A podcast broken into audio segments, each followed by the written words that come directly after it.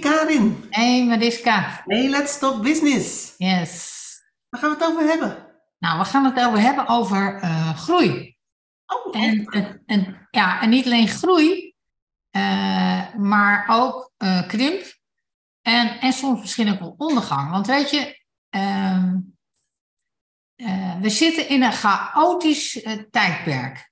Althans, zo ervaar ik dat. Hè? Ik bedoel, eh, ehm, ja, er gebeurt toch veel. Er zijn, zijn, zijn veel zaken die we eh, tientallen jaren lang niet meer hebben gezien. Hè. Voor, voor mij was de periode voor corona, zeg maar, voordat corona begon, achteraf gezien best wel een stabiele periode in de wereld. En als je nu kijkt, ja, we hebben oorlog, we hebben de opkomst van die Chinezen, we hebben hè, toch, toch, toch ook de, de politiek, hè, bijvoorbeeld Trump, die, eh, die toch wel voor heel veel onrust eh, eh, zorgt. Maar ook in andere, andere gebieden is de politiek veel, veel aan de hand. De implicatie van de oorlog, we hebben een energiecrisis, we hebben ja, asielstromen die over de hele wereld migreren. En nou weet ik wel, hè, nou zijn er mensen die zeggen van ja, dat is, dat is al, al duizenden jaren het geval. Maar ik heb het wel het idee dat het de laatste nou, twee, drie, vier jaar verergerd is ten opzichte van de periode daarvoor. En als wij Misschien kijken, zijn, we, misschien zijn we er ook gewoon bewuster van. ja, dat kan ook. Kijk, ik, ik ben ben met je eens, hè. Corona, eh, oorlog, energiecrisis, is allemaal van de laatste, van, zeg maar, sinds de start van corona. Maar de opkomst van China en, en, en, en eh, eh, Trump en, en vluchtelingen zijn natuurlijk al van lang voor die tijd. Nee, was, is ook zo, helemaal helder. Alleen als je het hebt over de, de China, hè, de afhankelijkheid van China wordt mede door die coronaoorlog, maar ook door, eh, door die coronaoorlog, door dat coronavirus, hè, waardoor je op onderdelen eh, de wereld gewoon stil lag en soms eh, in delen achter elkaar. Hè, en dan zou je maar net die onderdelen uit China halen en bedrijven in Europa zijn en exporteren naar, eh, naar Amerika, om het zo maar te zeggen. Nou, dan werd je driedubbel eh gepakt. Eh, ja, in het kader, het kan een keer tegenzitten. Ehm, maar de oorlog in, in Oekraïne met Rusland en de afhankelijkheid van Rusland, met name voor wat betreft olieleveranties en gas, met name dan gas, heeft wel duidelijk gemaakt dat we, dat we nog een vriend in het Verre Oosten hebben. En dat is Peking. En die afhankelijkheid van, eh, van, van China is misschien nog wel groter. Ja, nee, maar ik probeer te zeggen, van, ik, ik, ik denk niet dat onze afhankelijkheid van China nou de laatste drie jaar zo groter is geworden. Nee, nee, maar het bewustzijn daarvan, hè? Precies. Dus eh, dat, ik, Ja. ik denk dat we gaandeweg steeds afhankelijker zijn geworden. Dat we nooit, dat nooit echt als een risico hebben gezien. Nee, klopt. En, en nu wel. En ik, Ja. ik denk dat er nog, hè, ik, eh, als je het hebt over groei. En je, je weet hè, dat op het moment dat er bij ons een, eh, een organisatie, we zitten met een directie in gesprek en die roepen we, willen- we willen groeien. Is eh, de eerste vraag die we altijd stellen waarom? Ja, Ja, waarom wil je groeien? ja, Maar waarom, waarom, waarom heb je het gevoel dat je moet groeien? Waarom moet je groeien bijvoorbeeld om bestaansrecht te hebben en te houden? Ja. Dat is natuurlijk best een interessante vraag. Waarom groei, is, waarom groei nou zo'n onderdeel is van ons paradigma? ja. En, en vanuit westers paradigma is dat heel erg aanwezig. Hè? Dat ja, the only way is up is ook een liedje, geloof ik. Ja, Maar dat, dat geldt eh, zeker ook voor eh, bedrijven. Hè? Dat we bedrijven alleen maar zien als, ja, we hebben startfase. En vervolgens gaan we groeien. En, Ja, en klopt. groeien in de zin van eh, omzet groeien. En we gaan in winst willen we groeien. De, de logisch gevolg gaan we, dat willen we dan vaak niet. Maar gaan we ook in werknemers groeien. Hè? We moeten groeien. ja. En de vraag is of deze tijd niet veel meer ook leidt naar, omdat er juist trends en ontwikkelingen plaatsvinden, die we niet eerder hebben gezien, dat er ook een situatie gaat ontstaan waarin er niet sprake is van groei, maar juist van krimp, hè, omdat je markt gewoon beperkter wordt. En misschien verdwijnen er zelfs ook wel bedrijven. Nou, daar wilde ik eens met je over hebben. Ja, ja want ik, ik, ik vind zelf als, als eh, ik ben natuurlijk van huis uit marketeer. Ja. En ik eh, vertel ook wel eens aan onze vastok MBA-studenten, dat het, het, ik noem maar eventjes de rituele regendans die je dan als marketeer hebt, of als marketingmanager hebt. Eh, dat, eh, dat roep het maar eventjes, de, de, de groei moet 10% zijn en de kosten moeten 10% naar beneden. Ja, En dat moet gewoon standaard elk jaar. Hè, of Ja. er ruimte is in de markt of niet. Dus daar, daar reken je gewoon naartoe. En, en, en, en cijfers zijn altijd heel geduldig. Ja. Dus je kunt er ook altijd naartoe rekenen. Hè, dat is altijd heel fijn. Ehm, maar, maar het gewoon met elkaar eens bediscussiëren. Waarom? Waarom willen we nou eigenlijk groeien? ja, Waarom hebben we het idee dat we moeten groeien? ja, Wat gebeurt er nou als we niet groeien? ja, Want nog even los van, van eh, dat jij zegt, hè, want, de, de- want het, wat je net vertelt, van eh, ja, we, we, we, we starten een bedrijf en dan gaan we groeien, we willen doorgroeien, doorgroeien, doorgroeien, doorgroeien. Maar feitelijk volgen we bij bedrijven een, een, ook een levenscyclus zoals we die ook van mensen kennen. Ja. Ja, en mensen blijven ook niet altijd in hun jeugd kleven. Nou, sommige mensen mentaal wel, maar ik bedoel, fysiek niet, hè? Nou, sommige, men- ja. sommige mensen doen daar verwoede pogingen. Doen. Het ziet er ook heel gek uit, vind ik altijd. Ja, maar dus, dus ook wij, wij kennen ook hè, dus de seizoenen van het leven. eh, hebben we in, in de natuur, die hebben we als mens en die hebben we ook als organisaties. Ja, En soms kunnen die seizoenen redelijk snel gaan, dan wordt de leeftijd van een organisatie niet zo hoog. En sommige organisaties eh, lijken het eeuwig leven te hebben en vallen dan op een gegeven moment toch alsnog om. Of krijgen het heel moeilijk. Ja. Of een, een veel kleinere versie van zichzelf. Eh, en ik denk dat op zich, hè, ik, ik denk dat we in een tijdperk komen waarbij het niet alleen zo is dat de markt dicteert of een organisatie groeit of niet, of, of krimpt. Maar dat ook organisaties zelf daar veel bewuster over na moeten denken. Ja, je- Wat je net al zei, hè, als, als je groeit, hè, je, je omzet groeit, je afzet groeit, je rendement groeit, blablabla, allemaal leuk. Je moet het wel allemaal kunnen maken. Dat betekent dat je groeit in personeel. ja, Nou, we weten allemaal, ont, ontgroening, dubbele vergrijzing. eh, er is gewoon geen personeel meer. nee, Eh, dan kun je zeggen, van, nou, ik, trek, ik, ik ga het even heel onpolitiek zeggen. Ik trek ergens een blik met migranten open. Eh, want dan heb ik gewoon eh, handjes. Eh, maar dat is ook maar, ook maar beperkt toepasbaar. Want we hebben natuurlijk wel een, een, als samenleving ook een systeem waarin we in meer of mindere mate migranten kunnen verwerken in, ons, in onze samenleving. En dus ook toelaten in onze samenleving. Dus je kunt niet onbeperkt maar bijzetten. Je kunt, dat onbeperkt bijzetten van mensen is geen optie. nee. Je praat nu als econoom, hè? Ik praat echt als econoom. Ja, zonder politieke kleuring, dat wil ik even gezegd hebben. Ik zeg het even heel onpolitiek. En ik, Ja. ik, ik, ik zeg het gewoon echt als econoom. Ja, Want het, het systeem is niet houdbaar in termen van alleen maar mensen erbij zetten. Die mensen zijn er gewoon niet. nee, Nou, dan hebben we ook nog iets rondom klimaat. Schijnen we ook iets mee te hebben. eh, dat, eh, dat ook daar is het maar de vraag of groei van ondernemingen eh, wel een houdbaar concept is. En misschien moet je het als onderneming, en als ondernemer en als eh, middenvelder in een onderneming ook niet aan het toeval overlaten of er wel of niet zeg maar gegroeid wordt. Dan moet je misschien ook wel bewust beleid opmaken. Dat je zegt van ja, wat vinden wij nou belangrijk? ja, Gaan wij voor, de, voor het aloude paradigma van groei? En waarom dan? En wat voor soort groei moet het dan zijn? Is het groei overal of is het groei in bepaalde stukken van wat, we, van wat we doen als organisatie? Of gaan we het over een andere boeg gooien? Dat we zeggen van we, we gaan niet voor groei, maar we gaan juist voor het creëren van veel meer waarde. ja, Je ook zegt ook groeien, groei in waarde.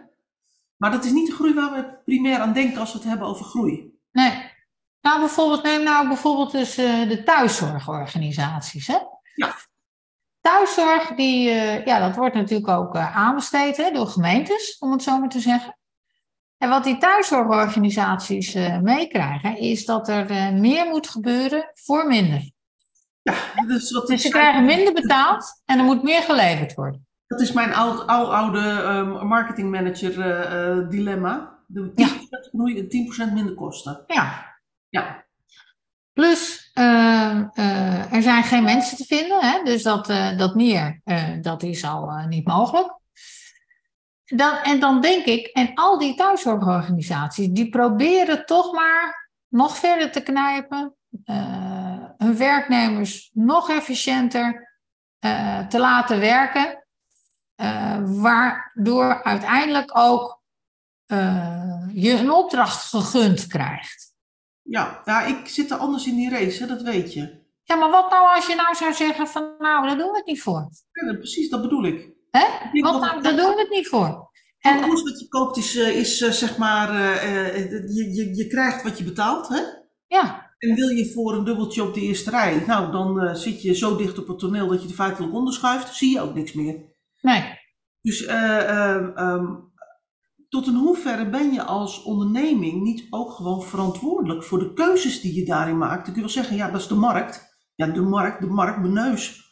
Ja, De markt is hoe, hoe we met elkaar eh, definiëren dat we een handel willen drijven. ja, En als je vrije markteconomie hebt, dat betekent, hè, kom- praat ik weer als econoom, dat vraag en aanbod met elkaar in evenwicht komen.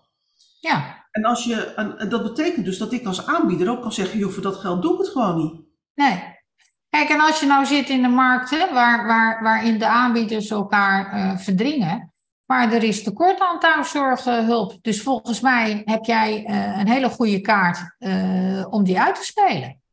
Ja, maar ja, dan, dan lopen we er tegenaan dat dus, dat, het voorbeeld van de zorg, en dat geldt voor elk voorbeeld. Elk voorbeeld wat je noemt gaat altijd Ja. af. Hè? Ja, En, eh, en het voorbeeld van de zorg is omdat onze overheid roept, we willen marktwerking in de zorg, maar we willen vooral ook geen marktwerking in de zorg, want het mag Ja. ja. zorgverzekering ook weer niet commercieel zijn. nee? Ja, als je marktwerking krijgt, dan worden er ook winsten gemaakt. Dat kan natuurlijk niet de bedoeling zijn. Dus we gaan gelimiteerde of gestructureerde marktwerking doen. En dat betekent dat wij eh, eh, een, een, een machtselement neerzetten, die noemen we zorgverzekeraar. Die geven we toegang tot het geld. Dat zijn een beperkt aantal partijen. En die kopen in namens de overheid. Ja, En dan krijg je dus dat er een machtsfactor in die, in die markt zit, die je in een vrije markteconomie niet zou hebben.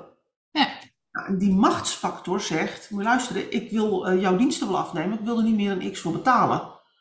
En als jij zegt, ja, dat is jammer eh, helaas, maar ik heb Y nodig, dan roepen ze, nou, krijg je de deal niet. Nee. En dan zit er in, in een vrije markt, zou je zeggen, nou weet je, dan krijgen we de deal van jou niet, want die capaciteit zetten we wel bij een andere klant weg exact. omdat de overheid erin zit te sturen, zijn er geen andere klanten. Omdat een, een eh, zorgverzekeraar feitelijk het, het monopolie heeft gekregen om in een bepaalde regio een bepaald soort zorg in te kopen. Ja, Dus, dus ehm, ik, maar ik, moet heel, ik, ik, denk, ik denk dat als er nu een aantal thuiszorgorganisaties zijn of ziekenhuizen zijn die zeggen van ja, dikke neus, voor dat geld doe ik het niet. we doen het niet meer. Zet er maar 20% bovenop en anders gaan we het gewoon niet doen. We gaan het gewoon Nee. niet uitvoeren. We nemen Nee. de opdracht niet aan. Dan hebben die zorgverzekeraars ook een probleem. Ja, Die hebben, die hebben wel deze macht gekregen omdat zij eh, dit wel inkopen. ja, Dus het is, dit is een, een, een- ongelijk machtsspel waarbij we als, als achtergrond dan ook nog hebben dat zorgverzekeraars, of, ehm, sorry, de zorgorganisaties vaak nog vanuit het zorgprincipe eh, in die onderhandelingen zitten. En dus ook niet echt scherp onderhandelen. Die durven, geen, die durven het er niet op aan te laten komen. nee. En ik denk dat dat bij een eh, partij die in volle, markt, die in volle marktwerking zit, dat die sneller zou zeggen van ja, luister, daar begin ik helemaal niet aan. nee. Ik heb, ik heb Dat denk ik ook. ik Maar het ooit- heeft ook wel wat te maken met het paradigma wat ook in de zorg zit. Hè? Dat ze hoog loyaal zijn en maar blijven doorleveren. Omdat ze vinden dat ze anders hun patiënt of hun cliënt eh, laten zitten. En daar, daar wordt ook oneigenlijk gebruik van gemaakt. Ja, want laten we wel zijn, dat is ook zo, hè? Ja, tuurlijk. En, dat is, eh, en, en op het moment dat je werkt vanuit passie, namelijk ik wil graag dat mensen goede zorg krijgen, Ja, eh, eh, ja, dan is de consequentie dat je geen zorg levert. nee. Nee, maar ik bedoel, de vraag is ook wie die mensen nou laat zitten die zorgbehoeftig zijn. Hè? Dat is de vraag. Ja, dat is absoluut de vraag. En in een vrije markteconomie zou ik het wel weten. Ja, ik Maar ook. in dit gestuurde systeem eh, nog, is dat wat lastiger. Ja, Maar ik wil, als we het hebben over groei, ehm, eh, denk ik dat het, ook dat het interessant is om toch even toch nog die afslag van het klimaat te pakken. Want we hebben natuurlijk, eh, aan, aan de ene kant sturen wij heel erg op marktdenken. Hè, dat is Mhm. natuurlijk waar ook onze overheid ook heel erg op stuurt. Maar we hebben natuurlijk de afgelopen jaren best een, een, een aantal nieuwe concepten, economische concepten voorbij zien komen. Waaronder het concept van de donut-economie. ja, Die zegt, ja, dat is allemaal leuk en aardig. Hè? eh, ik wil, zeg maar als het gaat over zorg, ik wil zorg in ieder geval leveren tot op een bepaald minimumniveau. ja, Die toegang heeft tot zorg bijvoorbeeld. Ja. Eh, dat kinderen allemaal ingeënt worden en als ze ziek zijn toegang hebben tot artsen. Ehm, maar waar zit de bovenkant? Het- Waar is het nog, tot waar is het nog verantwoord om deze kosten te maken, deze belasting op het milieu te doen, deze belasting op de samenleving te zetten? En moeten we daarboven nog wel hetzelfde niveau qua zorg willen geven als het dat we daaronder doen? Ja. En, en eh, eh, concepten zoals de donut-economie kijken dat er niet op landsniveau, hè, maar bekijken dat op wereldniveau. Hè, zolang er nog steeds mensen omkomen van de honger, tot in hoeverre moeten we dan hier nog stimuleren dat mensen eh, meer en meer en meer gaan eten? Ik sla even op mijn eigen lekker bolle, mijn bolle gevulde wangetjes. Hè? Eh, ehm, maar dat, dat, dat zijn natuurlijk wel interessante concepten die, op een andere, die, on- op ons, die ons op een andere manier leren kijken naar wat voor soort keuzes maak je nou eigenlijk als organisatie. Ja. En moet het altijd gaan om meer, meer, meer? Of moeten we gaan dat omzetten naar beter, beter, beter? Ja. En dat gaat wel implicaties hebben over hoe we kijken naar dingen als groei. Ja, zeker. En, en, eh, en afgezien daarvan denk ik ook dat groei voor iedereen in een veranderende wereld niet altijd is weggelegd. Ja. Al was het alleen maar omdat op onderdelen bedrijven opkomen, omdat die inspringen op een behoefte in de markt, maar op onderdelen behoefte in de markt ook weer kan verdwijnen. En als je dan eh, tegen de markt in, maar probeert hetzelfde te blijven leveren, dan ga je vanzelf wel eens failliet. Het kan best zijn dat je, dat, je, dat je markt kleiner wordt en dat je bestaansrecht houdt op die kleinere markt, maar dat een logisch gevolg dan is dat je gaat krimpen. En, en die eh, natuurlijke beweging van groei en mogelijk ook weer krimp en ondergang, dat zit niet zozeer in ons denken. Net zo goed als wat niet in ons denken zit, eh, hetgeen wat we, waar we het nu net over hebben gehad. Namelijk, wij zijn gericht op groei en we zijn niet gericht op, en laten we het nu eens beter doen. Ja, ik, Wat je wel ziet trouwens, Ja. hè, de, de, de- dat, eh, als je het bijvoorbeeld hebt over speelgoed, hè, kinderspeelgoed, dat er, dat er op onderdelen een, een, een hele beweging was van een eh, plastic troep eigenlijk, hè? Eh, wa- wat alleen maar gericht was op meer, meer, meer en meer plastic troep. In het kader van die klimaatdiscussie die we met elkaar voeren, zie je wel dat eh, speelgoed nu met name ook veel meer duurzaam wordt geproduceerd. Dus houten speelgoed, speelgoed wat eh, een tweede leven wordt gegund. Wordt ook onder kinderen gevraagd, hè, vind je dit speelgoed nou minder mooi dan ander speelgoed? Nee, helemaal niet. Hè? Speelgoed wordt gerecycled. En dat zijn natuurlijk wel mooie, mooie bewegingen. Maar dat heeft ook implicaties voor de speelgoedproducent. Ja. En, en als we nou praten over, over iets als groei en, en krimp en ondergang, hè? Ja. Hoe kijk jij dan daarna dat, dat sommige organisaties, eh, eh, ik noem hem maar eventjes, door blijven groeien?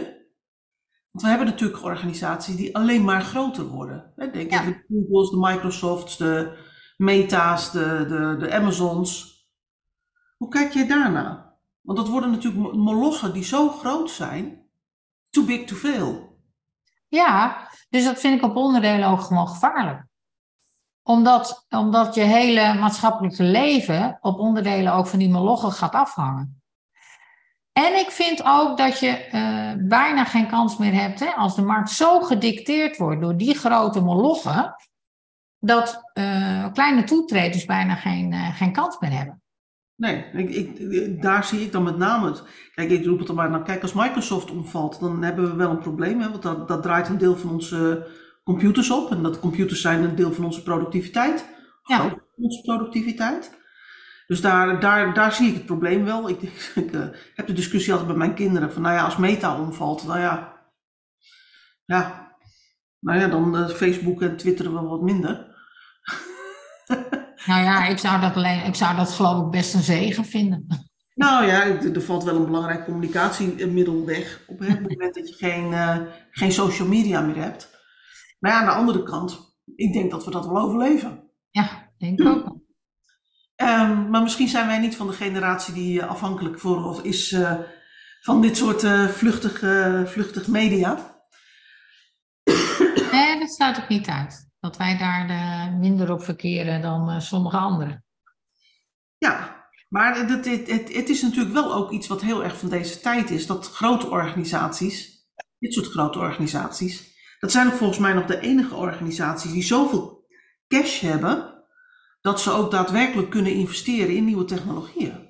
Ja, en wat je ziet is dat er dat op onderdelen die maatschappij een, zo grote afhankelijkheid uh, bestaat, Hè, dat op onderdeel, dat het niet meer alleen een probleem is van het bedrijf, de moloch, zoals je ze zo beeldend uh, noemt, maar ook van ons uh, gezamenlijk. Op het moment dat die uh, gaan zitten in onze, in onze primaire zaken die nodig zijn voor, voor het voeren van ons leven, ons werk bijvoorbeeld. Zoals communicatie. Zoals communicatie, bijvoorbeeld. En wat je, wat je nu ook ziet, is dat er uh, de alarmbel wordt geslagen over, uh, niet alleen over dingen als water, maar bijvoorbeeld ook over dingen als energie en over internet, de beschikbaarheid van internet. Want dat is een zo belangrijk onderdeel van ons leven geworden, dat wij feitelijk, hè, kijk maar naar ons, hè, ons hele werkzame leven vindt, vindt plaats via het internet. Nou, op het moment dat dat er niet meer is, of uitvalt, of niet meer beschikbaar voor ons is, of haperend werk, ja, dan hebben we echt een gigantisch probleem. Ja. Ja. En, en wat, wat, wat stel je voor? Hè? Wij, wij zijn nu wij zijn, zeg maar, een gemiddelde ondernemer. Ja. En, en we constateren dat, er, hè, dat het paradigma van groei uh, en dan door naar krimp en, en, en afsterven, dat, dat, uh, dat ons paradigma wat van groei af moet we constateren dat we uh, in toenemende mate ook risico's uh, in onze samenleving inbouwen. Ja. Hè, de, de, ene kant van uh, geopolitieke risico's. Hè, denk even Oekraïne, denk even Rusland, denk even China. En aan de andere kant ook economische risico's zeg maar, met elkaar creëren. Omdat we een aantal organisaties op essentiële onderdelen heel erg groot en dominant laten worden. Ja. Wat vind je nou dat je als ondernemer of als, als manager binnen een onderneming, wat zou je nou moeten doen? Ik denk dat je heel erg goed moet kijken naar afhankelijkheidsreductie. En dus waar ben je afhankelijk van? Hoe kun je dat beheersbaar houden? En hoe kun je de afhankelijkheid reduceren? Om je een voorbeeld te geven, in de polderimmers was immers uh, op een jaar geleden, anderhalf jaar geleden. En want we hebben het nu over die grootmachten. Maar ook het besluit dat, uh, wie zou er komen? Facebook of Google zou daar uh, een datacenter neerzetten?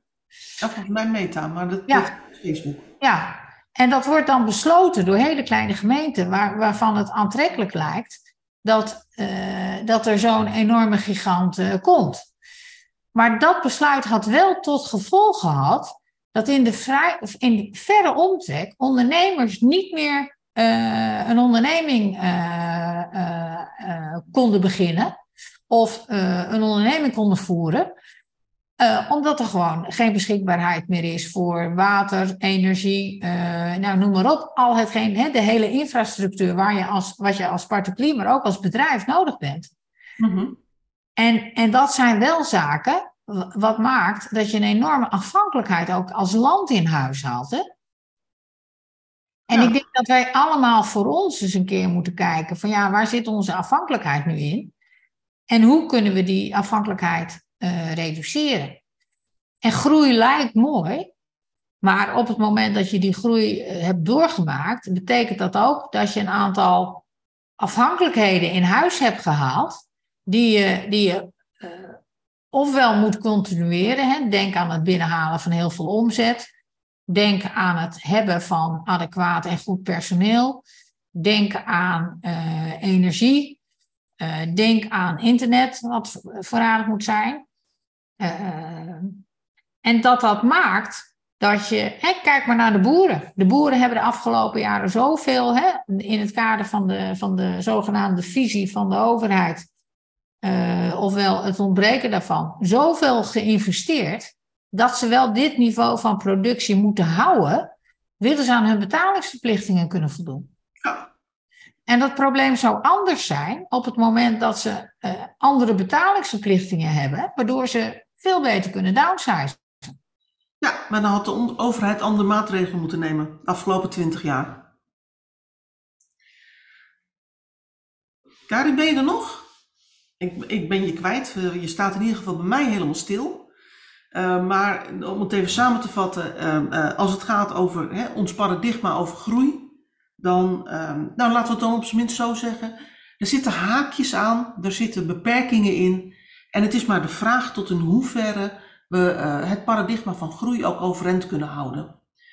En als we niet meer in het paradigma van groei zitten, uh, dan zijn de alternatieven of ik ga krimpen, en dat kan zijn dat de markt krimpt en dat ik dus mee moet krimpen aan de markt.